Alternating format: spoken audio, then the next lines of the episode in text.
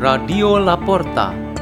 The door is open for you for the growing of knowledge and wisdom of God.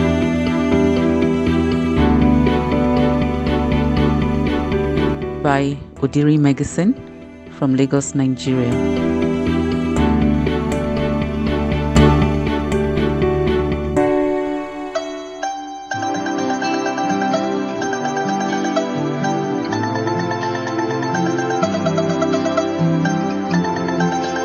Reading and meditation on the Word of God, Tuesday of the 25th week in Ordinary Time, September 22nd, 2020.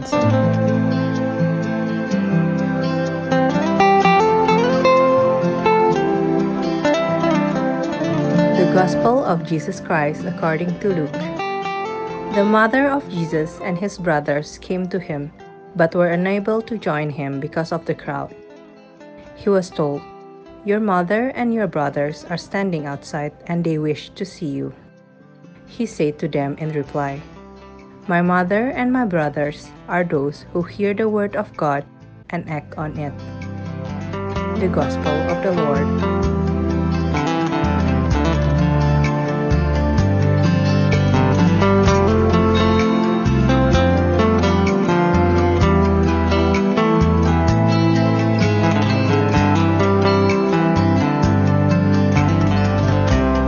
Meditation today has the theme A Crowded Life.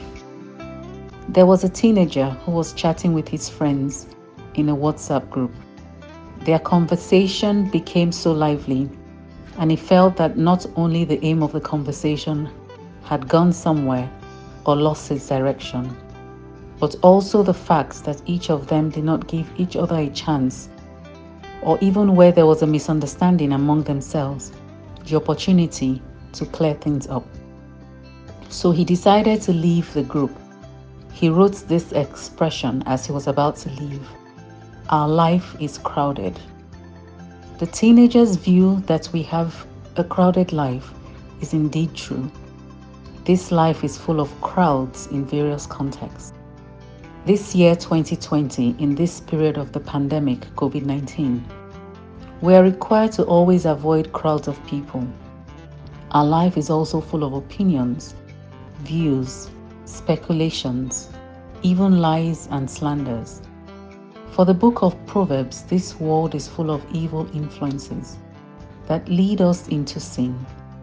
And at the same time, the powers of truth and goodness also require us to resist these evil influences. Jesus himself, as described in today's gospel, was also caught in the crowd of people. Then his mother, his brothers, and sisters tried to find him out, but they couldn't, and so they were just outside. A friend told his own experience on the so many thoughts in his mind that he felt cramped. He was not just confused and fooled, but it was very clear that he felt he was outside of himself.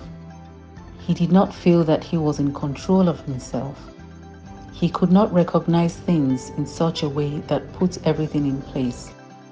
He felt that he had failed in this aspect and he gave up on the situation. Any crowded life situation can become an obstacle. It can also be an opportunity to meet God. There are situations where people are busy with work and the need to fulfill the necessities of life becomes their priority. There are a lot of things to make us busy, and we're tired all day long. Such crowds can happen to anyone, and it will lead them to find no opportunity to meet God in a personal way.